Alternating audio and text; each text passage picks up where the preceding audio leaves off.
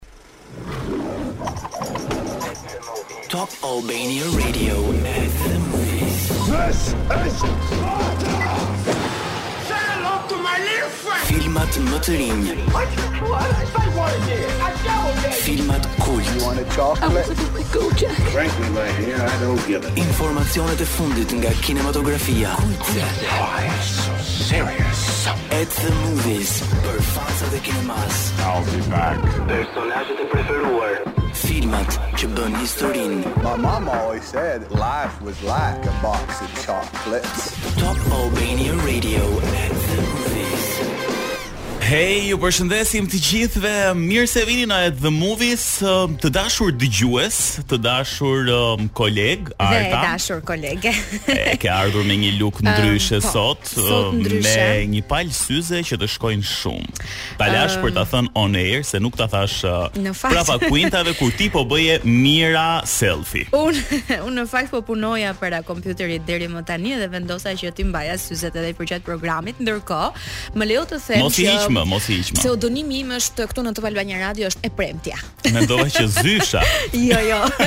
Por sepse kolegët tona kur më panë tha, "Ua, tani që të shohim ty, e kuptojmë që është e premte." Erdhi e premtja. Um, kur kur e mendon kështu, duket sikur është një gjë tersi, erdhi kjo e premtja, megjithëse nuk është e marta, po jo. duket si një ditë kështu e veçantë. Po kjo është një ditë me fat, jo tersi. Java e kaluar ka qenë e premte 13, po. zakonisht data 13 kur bie e premte konsiderohet si si ditë tersi, megjithatë nuk e kam kuptuar kurrë nëse kjo është e vërtetë apo jo, me siguri që jo, sepse nuk ka ndodhur ndonjë gjë, është një legjendë urbane në fakt që ka lindur besoj në Shtetet e Bashkuara të Amerikës, ku njerëzit atje kur bie e premte 13 mbyllen në shtëpitë e tyre. Se bëjmë shaka. Më lejo koleg të them që mm, Ne jemi pjesëmarrës këtë vit në festivalin e Kanës dhe shumë emocione sigurisht. Për herë të parë kemi një stendë atje që na përfaqëson në një ndër festivalet më të rëndësishme të kategorisë A dhe sillet ndryshe. Ëm ehm, uh, është le të themi një prurje e agjencisë së industrisë kreative pjesë e Bashkisë së Tiranës dhe ëm ehm, uh, le të themi misioni i gjithë kësaj iniciative mm -hmm. është që Tirana të shndërrohet në një shesh xhirim për filmat e huaj. Pra të tërheqim sa më shumë filma të huaj dhe regjisorë të huaj, të cilët t'i shohin të gjitha vendet më të bukura të Tiranës për të ardhur edhe për të xhiruar filmat e tyre. Super ide, sa herë e kemi diskutuar këtë gjë që sa mirë do të ishte sikur jo vetëm Tirana, por uh, shumë qytete të Shqipërisë të përdoreshin si shesh xhirime për filma um, hollywoodianë ose të paktën prodhime pak më të mëdha ku ne do të kemi mundësi të promovohemi. Sa herë na është bërë qejfi kur kemi parë këtu ndonjëherë rrallë ca makina që fluturojnë Aha. për filmin Kobra në mos gaboj me Blerim Destanin etj etj dhe jemi kënaqur shumë sepse me të vërtetë është një mënyrë shumë e mirë për të promovuar vendin. Kështu që le të shpresojmë që shumë shpejt mund ta shohim uh, Tiranën edhe në filma të nisur nga prodhimet e Netflix po. apo tek filmat e autorëve europianë. Dhe sa herë na vjen inat më fal që të ndërpres kur shikojmë uh, për shembull një film që zhvendoset skena kur thuhet London ose New York, s'e kemi parë kurrë atë Tirana. do ishte shumë bukur ta shikoj. Ashtu, kështu që London, New York, Tirana. ja dhe u bë itinerari. Po, përveç kësaj shpresojmë që kjo mini studio të shërbejë, po themi edhe si një mhm. augur i mirë që ne të prodhojmë filma akoma më të mirë, të përfaqësohemi zyrtarisht në festivalin e Kanës dhe të mos shkojmë mbase kështu personazhe personazhe që shkojnë atje bëjnë një foto dhe mendojnë që kanë ikur në Kanë. Po sepse kemi uh, detin e kemi, malet i kemi, çfarë të doni kemi, kështu që ofrojmë të gjitha sheshxhirimet e mundshme dhe meqë jemi tek mali koleg i dashur, unë fundjavën e kaluar isha në mal, po ndërkohë okay. kur pash premierën që na ka ardhur këtë javë në Cineplex u tremba pak, nuk e di nëse do kem guximin që të shkoj ta shikoj. Oh, por ju flasim vetëm pas pak për premierat. Kemi dy premiera këtë javë nga Cineplex, ndërkohë ju e dini që ky program përmban të gjitha kolonat zanore të filmave, këngë të cilat ndoshta kanë ardhur edhe në shumë filma, jo vetëm në një. Kjo që do të sillim tani është përdorur si kolonë zanore e filmit shqiptar që vjen vetëm pas pak, jua prezantojmë pasi ta kemi dëgjuar e nisim me shumë energji. Filmi i parë shqiptar horror, ëh? Po, horrori i parë shqiptar. Është pak e çuditshme teksa e thua, po do të zbulojmë pas pak, është mjaft po, interesant. Po, me thënë të drejtën mua më trembi duke qenë se edhe bëj hiking edhe e di atë jetën e egër në male edhe në zona të thella, gjithsesi ju flasim vetëm pas pak e nisim me shumë energji. E s'ka si të jetë ndryshe. Çfarë është gjëja më e mirë në jetën tënde, Edi? Në ç'kuptim? po sepse po i përshtatem, i përshtatem këngës pra The Only Thing, Moby që na ka shoqëruar deri më tani. Ka shumë gjëra të mira në jetë, nëse do më duhej t'i listoja, mm. do duhej një kohë shumë e gjatë. Veten tënde do ta përshije dy herë, siç është një shprehje, po, jo, kështu jo, që jo. kur numëroj bekimet. Veten e numëroj dy herë, ha? jo, në fakt është për partnerin ty të numëroj dy herë. Okej. Okay. Mirë, ecim tani me dy premierat e sotme uh, që kanë ardhur në Cineplex. Është një film shqiptar, ashtu siç Arta e zbuloi pak më parë dhe një tjetër um, i huaj shumë i bukur në fakt, mezi po presim që ta prezantojmë. E nisim pak me Lugina e djalit, po, një film shqiptar horror. Po, horror dhe horrori i parë shqiptar, në cilin um, gjejmë emra si Bujar Asqeriu, Xhani Demika, um, Ergys Keta, i cili vjen si producent dhe filmi vjen në regjinë e Edi Gjeranit.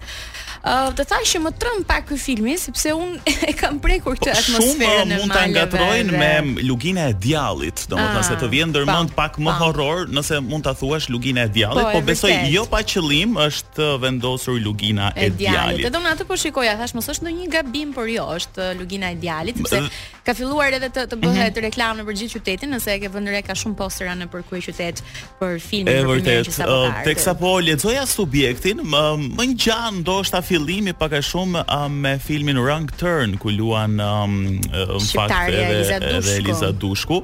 Uh, sepse uh, kështu nis lugina e djalit. Uh, kryqëzohet e shkuara me të tashmen dhe flitet për një grup të rinjsh, të cilët nisen në një kamping, por um, i gjithë udhëtimi nuk shkon ashtu siç ata e kishin menduar.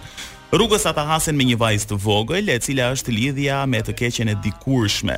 E, gjithmonë këto filmat horrore kanë kështu nga një po pikënisje të gjithë tersit edhe të gjërave që vijnë më pas. Është simboli po. ku ku i gjithë udhëtimi dhe e gjithë lumturia, kemi edhe trailerin tani në sfond, uh, kthehet në një makth, kthehet në një tmerr, se çfarë ndodh, se çfarë roli ka kjo vajzë në film, sigurisht uh, ne nuk do t'i zbulojmë të gjitha, duhet ta shikoni të plotë filmin.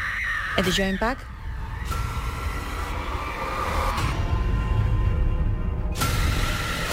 Okej, okay, frikshëm, i frikshëm duket nga nga efektet. Tani në Shqipëri ne me njëri tjetrin kur tregojmë shpesh herë legjenda uh, se çfarë u ka ndodhur të afërmve tanë, ku di unë se çfarë lloj-lloj gjërash vërtet na kap një frikë dhe nuk na zë gjumi gjithë natën. Nuk e di se sa do na e japi uh, këtë efekt filmi, por mbetet për tu parë. Po shikoja në listën edhe në kastin e aktorëve që përveç atyre që përmenda është Enxhi Haxhiu gjithashtu Ariana Shabani, Raldo Keta, por dhe Jeta Faqolli. Mm -hmm. Po është një, një mix, po themi ka edhe artistë, mm -hmm. siç janë këngëtarë apo edhe uh, të tjerë me profesione të ndryshme që kanë mbase kanë provuar veten në aktrim edhe uh, besoj që do ketë dalë diçka e bukur. Kjo është prurja e parë në Cineplex, e cila ka mbritur dje, ndërkohë të shkojmë tani tek premiera numër 2. Dhe na Memory. vjen Memory, Liam Dhe na vjen Neeson. Liam Neeson, uh, shumë filma ka bërë këtë periudhë, uh, domethënë një në tre filma mund ta kemi prezantuar te E Liam vërtet. Neeson. Më Po i ky fundit ishte ishte vërtet i Black bukur. Light që e solli këtë vit, edhe aktori ka ardhur sërish, por këtë herë së bashku me një kast vërtet Shumë po, të madh aktorësh Tani, Tani, uh, dëgjojeni mirë subjektin. Bëhet fjalë, uh, ta kemi pak më ulët Tuizi që ta shpjegojmë mirë. Bëhet fjalë për një vrasës profesionist i cili quhet Alex. Por në momentin që ai refuzon um, një vrasje porositur nga një organizatë kriminale, ai bëhet vetë shënjestra, pra bëhet targeti. Duke qenë se gjatë kësaj beteje po prodhoheshin shumë viktima, vihet në punë FBI-a dhe inteligjenca meksikane. Dhe tani, Aleksi, përveç se ka mbi shpinë organizatën kriminale, ka mbi shpinë dhe FBI-në dhe inteligjencën meksikane. Po ka një gjë që e shqetëson. Deri tani po ja del shumë mirë, po ka një gjë që e shqetëson. Që është humbja e kujtesës. Prandaj filmi quhet Memory. Ai vuan nga një humbje e kujtesës po, afat shkurtër. Po. Dhe uh, pas çdo aksioni, po themi, duhet të bëjë pyetje, duhet të kuptojë mm -hmm, se mhm, kush po e ndjek dhe duhet po. të zbulojë. Pra, po themi çdo ditë është një rikthim nga e para, Sigurisht këtu vihet në pikëpyetje edhe çështja e besimit se kujt duhet t'i besojë sepse ai po themi të nesërmen ka humbur kujtesën edhe është është pak e vështirë. Është në prag të dalurit në pension në këtë rol që ai ka dhe sigurisht i caktohet ky mision, mision të cilin nuk arrin që ta çojë deri në fund dhe në fakt e kemi parë edhe herë të tjera besoj Liam Neeson gjithmonë atë mëdyshjen Nëse duhet vërtet t'i çojë ato krimet ato mhm. detyra deri në fund apo duhet që të mbrojë njerëzit e pafajshëm. Edhe Memory më duket se ka pak ngjashmëri me Jason Bourne të Matt Damon. Një film spektakular, më pëlqen shumë dhe prandaj uh, duke qenë se bëra këtë lidhje, do ta shoh dhe Memory dhe shpresoj që të jetë po kaq. Kjo është një ribërje e filmit belg të vitit 2003, kujtimi i një vrasësi ose Memory of a Killer, ndërkohë unë kam shkëputur vetëm një frazë nga filmi. E thënë nga Liam Neeson në rolin e tij të Alex Lewis, ai thotë që vdekja është e pashmangshme, kështu që rëndësi ka ç'bën përpara se të ikësh. Okej. Super, janë dy premiera shumë interesante, mund të zgjidhni vetë ose mund të shikoni të dyja përveç premierave të tjera që vijnë në Cineplex. Ndërkohë, Do t'ju lëmë tani sepse pas pak do flasim për diçka shumë të bukur. Të gjithë jemi rritur me filmat e animuar, filmat vizatimorë, siç mund të themi, dhe me zërat e bukur që i kanë dubluar ata filma.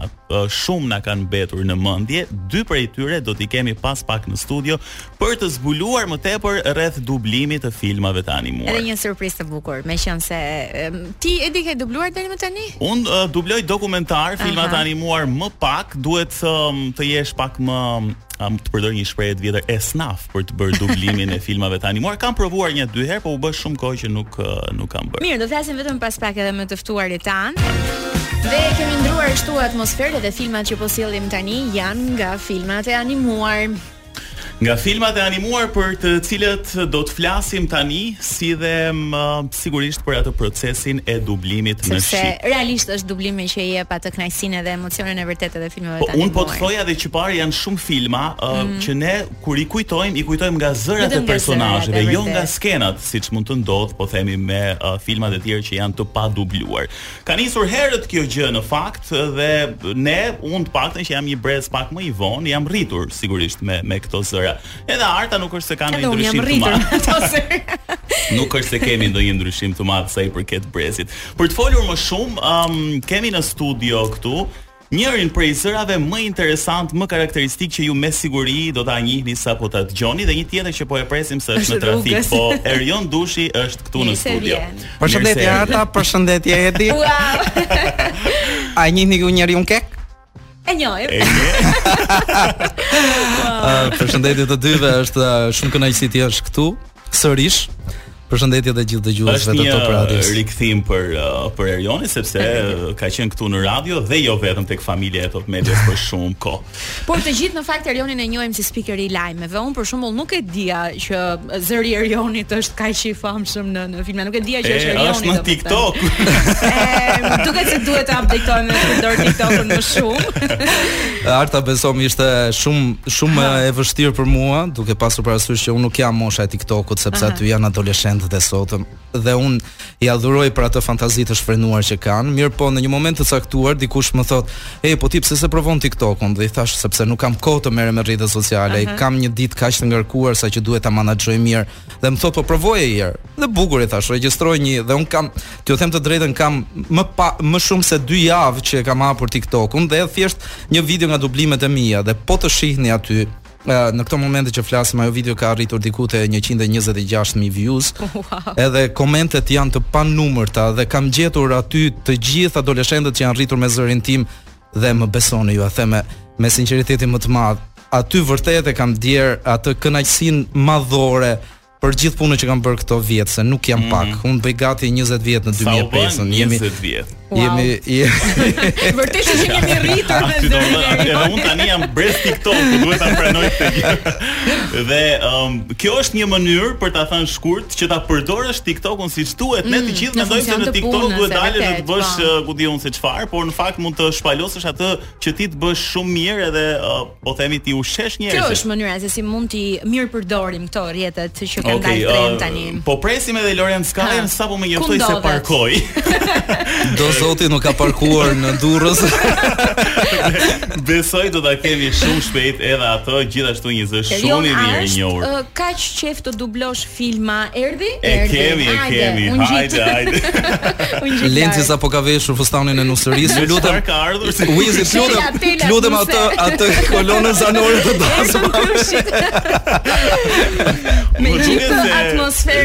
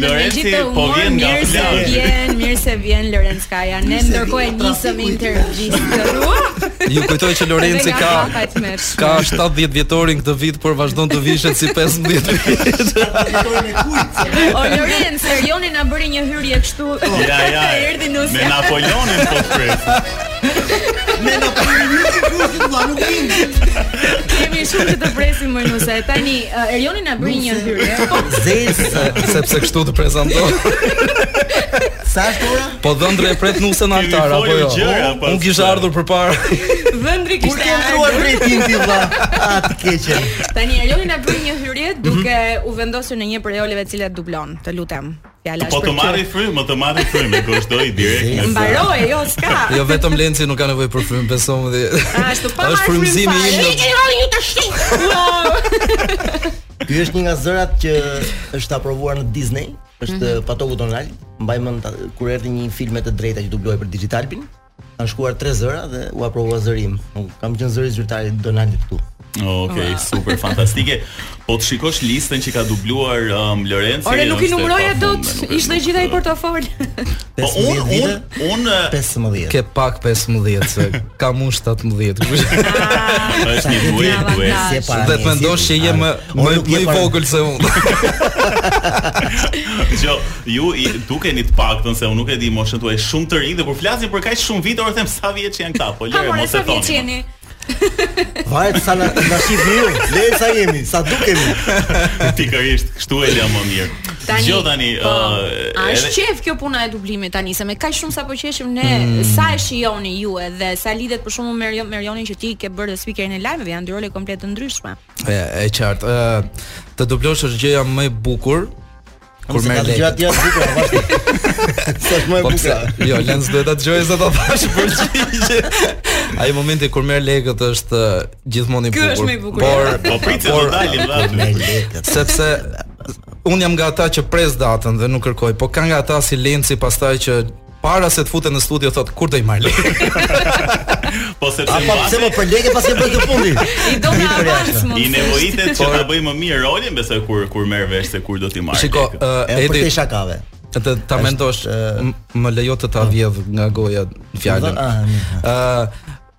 Unë nuk jam nga ata që kanë mbaruar artet, kështu që nuk mund ta shpjegoj në mënyrën se si e përjeton Lenci.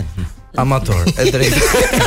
Prej 17 vitesh amator. Një amator i pandreqshëm. Ë, uh, mirëpo, momenti i futjes në studio, ne ne folëm pak para se të hynim në transmetim. Mm -hmm. Është Është një nga ato gjërat shumë interesante kur ty të të japin një rol dhe thonë që shiko se ky është një rol, të paktën unë dhe Lenci kemi marrë pjesë në këto serialet që kanë nga 500 seri, janë flasim për Yu-Gi-Oh, flasim për One Piece, janë janë një sërë serialesh të tilla që kanë shumë personazhe. Mm -hmm. Dhe të thonë, shiko, ky është personazhi yt dhe automatikisht ti futesh në YouTube se sot është e lehtë ta aksesosh. edhe aty kontrollon se cili është personazhi dhe do që t'i japësh më të mirën atij. Për shembull, nëse ju keni parë One Piece, që unë kam unë kam Roronoa Zoro. Kurse unë kam Bruk. dhe dhe ai shumicën e batutave e ka me gojën mbyllur. Po që nga hati, i vetëm fol. Dhe është kështu. Goditja e Luanit. Njeriu me shpatë speciale. Ë, është e lodhshme, por është shumë e bukur. Sidomos kur hap TikTok, Lenci nuk e ka akoma besoj. Jo, nuk e njoh. nuk e njoh. Duhet ta hapësh një Lenci sepse më beso që do të ndryshojë jetën. tani uh, kemi edhe disa pyetje të fillimit që i ezauruan, po tani na thoni një ndër gjërat që e tha Erioni është pjesa sfiduese se edhe të lodh kjo gjë, po. Është e vërtetë. Ku qëndron vështirësia e vërtetë e të dubluarit? Pra po themi tek nuk e di interpretimit, procesi, na zbuloni pak më tepër, po themi çfarë ndodh në mikrofon. Është vërtet e lodhshme, po nëse ti teknikisht me zërin arrin që mos ta vrasësh, mos ta lodhësh, ta përdorësh ashtu siç duhet zërin, më beso që nuk është e lodhshme. Unë kam bërë personazhe nga më të ndryshmet, që ke ke fëmija 2-3 vjeç, deri ke një dhe zë, domethënë kordat e mia janë okay. Në fakt ka që janë dëmtuar kordat vetëm nga kjo punë. Mm -hmm. Duhet të dish ta përdorësh dhe ta mirëmbash zërin. Është shumë e rëndësishme.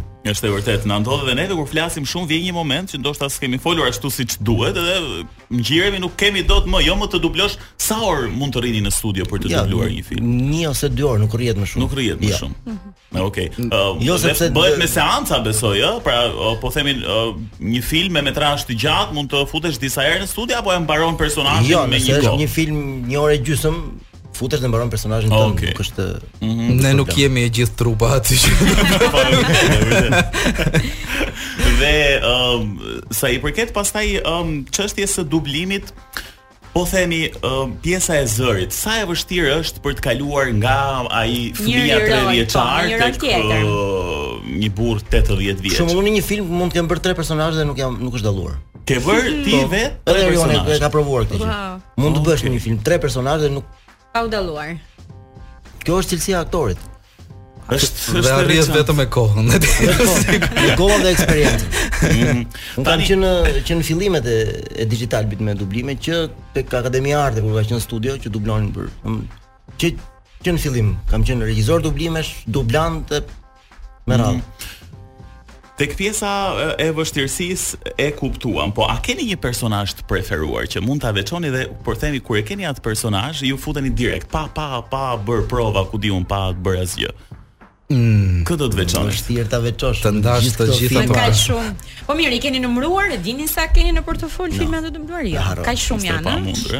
Ekziston një faqe në internet, unë e zbulova vetëm së fundmi që na ka tregu se kush ma tha po, që ekziston po, faqe. Albanian uh, Albanian Dubs. Po, ja ku e kam Lorencin. Domethënë, dhe nëse zgjedh profilin e gjithë secilit prej nesh. Edhe Un un dua t'i t'i falënderoj shumë ato çunat dhe gocat që kanë mhm. hapur atë faqe. Ajo është një arkive e përsosur që gjithë secili prej nesh do e shijon. Po ishte goxha e saktë. Është goxha e saktë. Po, Unë i kisha harruar gjithë.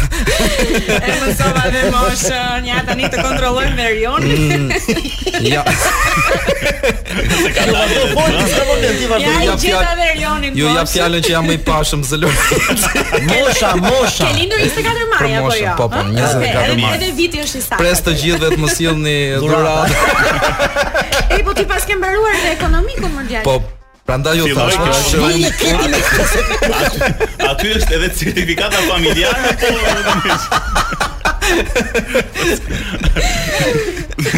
Dgjoj, ne. Po një nga personazhet e preferuar që fëmijët e e sot e kësaj dite dhe më thon që na ke rritur është per, është perandori Kusko. Mm. Mm -hmm. Unë jam akoma më i vonë, unë për shembull të kam fiksuar shumë tek epoka e Akullnajave. Epoka e Akullnajave. Mm, po, edhe aty është. Jan dy dy dy, dy ketrat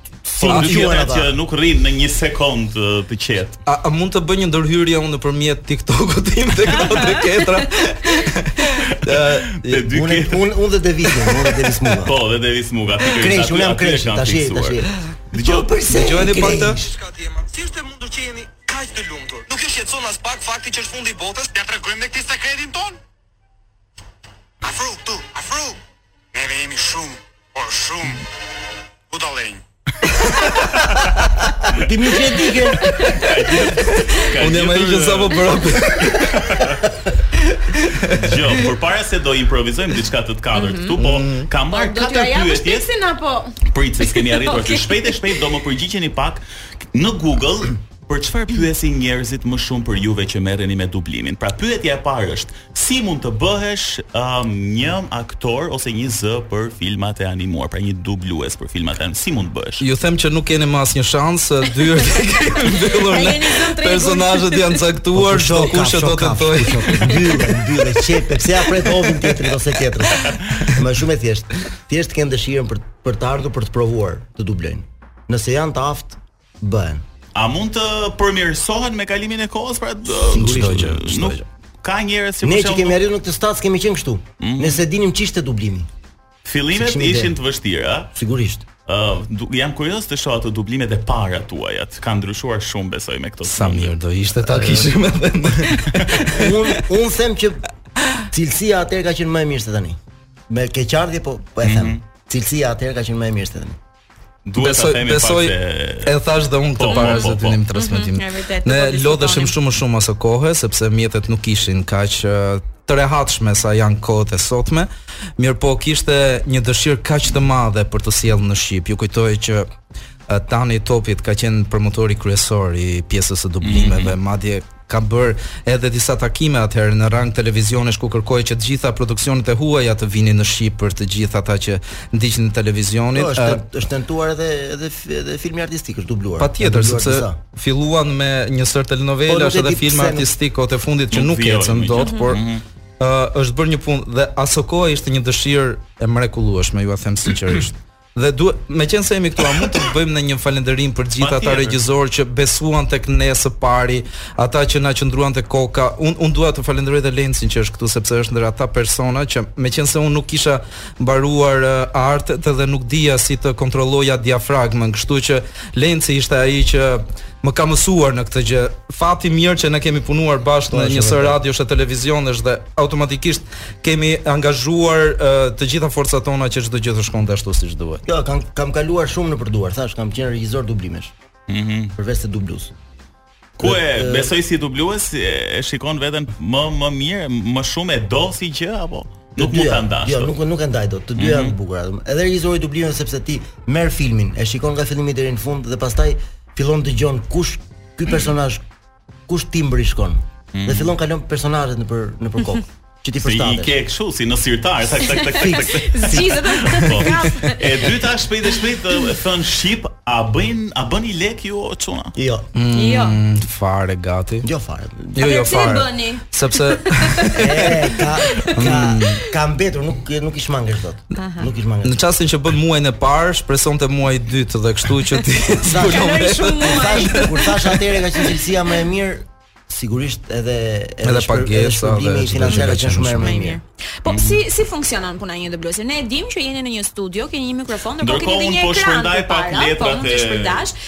Keni edhe një ekran besoj po. që ndiqni skenat. Tjetër mhm. çfarë mm -hmm. ka që duhet të dimë për punën tuaj? Asgjë, ke ekranin, ke filmin, mm -hmm. ke ke kufjet në vesh që të vjen audio anglisht, mm -hmm. italisht, kinezçe, se ka dhe kinezçe dhe hajde dubloje. Se është kjo vështirësia tjetër, sa do t'ju them. Se anglisht e mirë, okay, e di. Italisht, okay, e di. Po kinezçe? Hajde përshtate, hajde përshtate. Hajde përshtate. Okej. Okay. Është është shumë e vështirë. Shiko, do do. Kakashi. Se e kemi mësuar.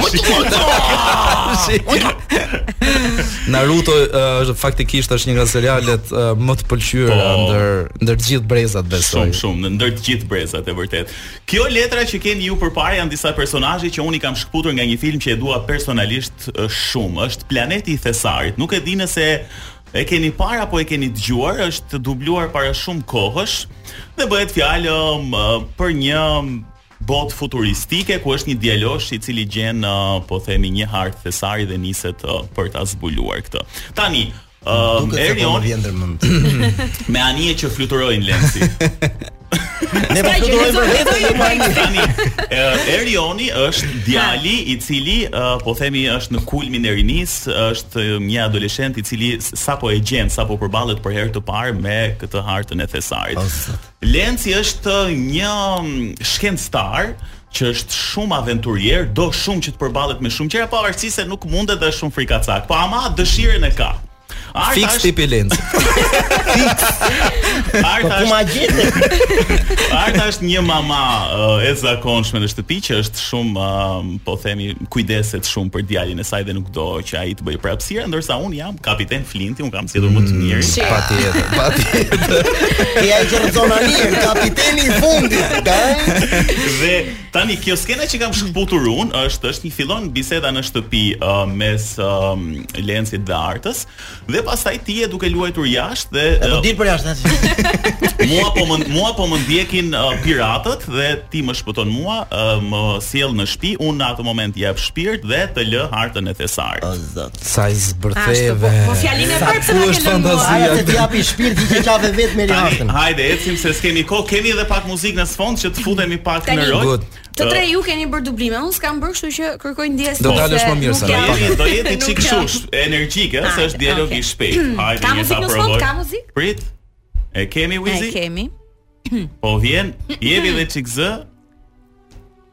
Faleminderit që më dëgjove Dolbert. Kjo bisedë më bëri mirë. Po, oh, çdo gjë do të shkojë shumë mirë, Sara do ta shikosh. Vetëm shpresoj që një ditë të hap derën edhe të shikoj të voglin tim me lodrën e tij të preferuar. Mami, ai është i plagosur. Rëndë. Arkën time djalosh. Ai do të vijë shumë shpejt dhe nuk duhet ta gjejë këtë. Më thuaj kush do vijë? Sajborgu. Ki kujdes nga Sajborgu. Shpejt, duhet të ikim! Kësaj radhe jam dakord me Xhimin! Mos ki frikë sepse unë jam specialist i ligjeve të fizikës. Do të hidhemi në 3 2 1 Vraponi për tek dhoma e kuqe e anijes, atje do të jeni të sigurt. Më prisni derisa të vij dhe unë. Shkoni tani! Gjithë kjo rrëmujë u bë për shkak të asaj sfere të çuditshme. Shenjat e saj më ngatërrojnë shumë. Nuk kam parë kurrë një gjë të tillë, kaq të veçantë, madje as eksperienca dhe intelekti im nuk e shpjegon dot. Au! Qenka një hartë. Oh, harta e planetit të thesarit. Duhet të shkojmë atje me patjetër. Mami, dëgjo. E di që unë do të prish gjithçka dhe e di që të kam gënjyer shumë herë. Por kjo është mundësia ime për t'i shlyer këto gabime. Që t'i vendos gjërat në vendin e vet. Bravo. Ishte fantastike. Sa do doja ta vazhdoja pa punësisht të gjë, është një pesë. Keni lajme të e po mirë. Ju kujtoj që janë lajme pas pak. Mirë që s'kishte më mami